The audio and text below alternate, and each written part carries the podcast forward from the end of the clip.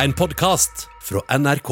Det er ikke ofte, men rett som det er, så leser vi og hører om unge, friske mennesker som har vært på trening og ender opp på sykehus med store muskelskader. Og lege og idrettslege Morten Munkvik, hva har da skjedd?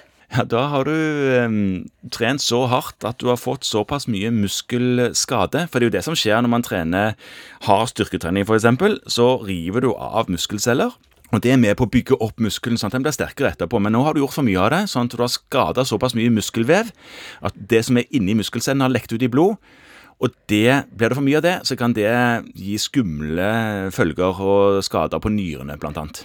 Før vi snakker om skadene, hvordan er symptomene? Hvordan føles det å ha den kroppen da? Da er du intenst øm og stinn i den muskelgruppen, eller de muskelgruppene du har trent. Gangsperr overalt? Gangsperr gange 1000. Gange tusen? 1000? Ja, det er, det er såpass at det, det har bikka over. Du tenker at dette er mer enn gangsperr. Det er Det står på spreng, liksom? Ja, det er helt Kan være helt hard muskel. Dønn stiv muskel kan det være. Samtidig er han svak. Det er null styrke igjen. Hva skal til for å oppnå en sånn tilstand?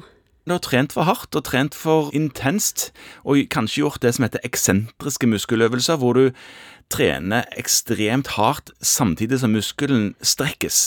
Det er en veldig sånn potent form for eh, styrketrening, hvor man gjør det på den måten, og det er òg med på å skade musklene, og dermed lage mer skade, men mer styrke i etterkant.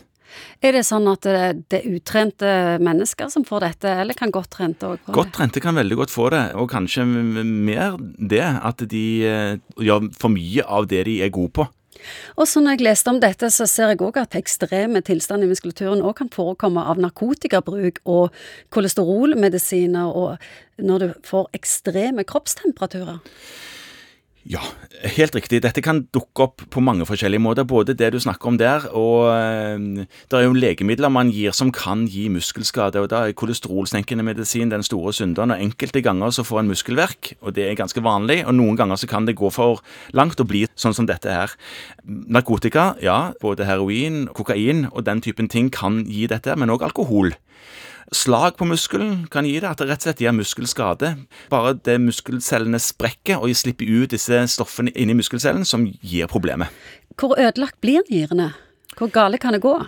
Altså, Du kan havne ut i en situasjon hvor nyrene svikter helt og du trenger dialyse. Så det, det er jo At de svikter helt, takker for seg for godt? Det kan òg sikkert skje, men eh, det vanlige er at de trenger hjelp en periode til du har fjerna stoffer som vi har inni muskelcellen. Når du er på trening og tar deg ut og jobber, er det et eller annet kroppen kan fortelle deg så at du er i ferd med å nærme deg denne tilstanden, sånn at du kan stoppe? Skjønte du hva jeg mente? Jeg forstår hva du mener. Er, Ja. det, er det noen eh, lys som begynner å lyse som du burde ta hensyn til? Ja. ja Mens du trener, og det er det nok ikke, men um, dersom du gjør mer enn du har gjort noen gang før, så burde du kanskje ta det litt stykkevis og delt og øke belastningen gradvis, ikke ta og gjøre så veldig mye mer enn du pleier å gjøre. Du har hørt en podkast fra NRK. Hør flere podkaster og din NRK-kanal i appen NRK Radio.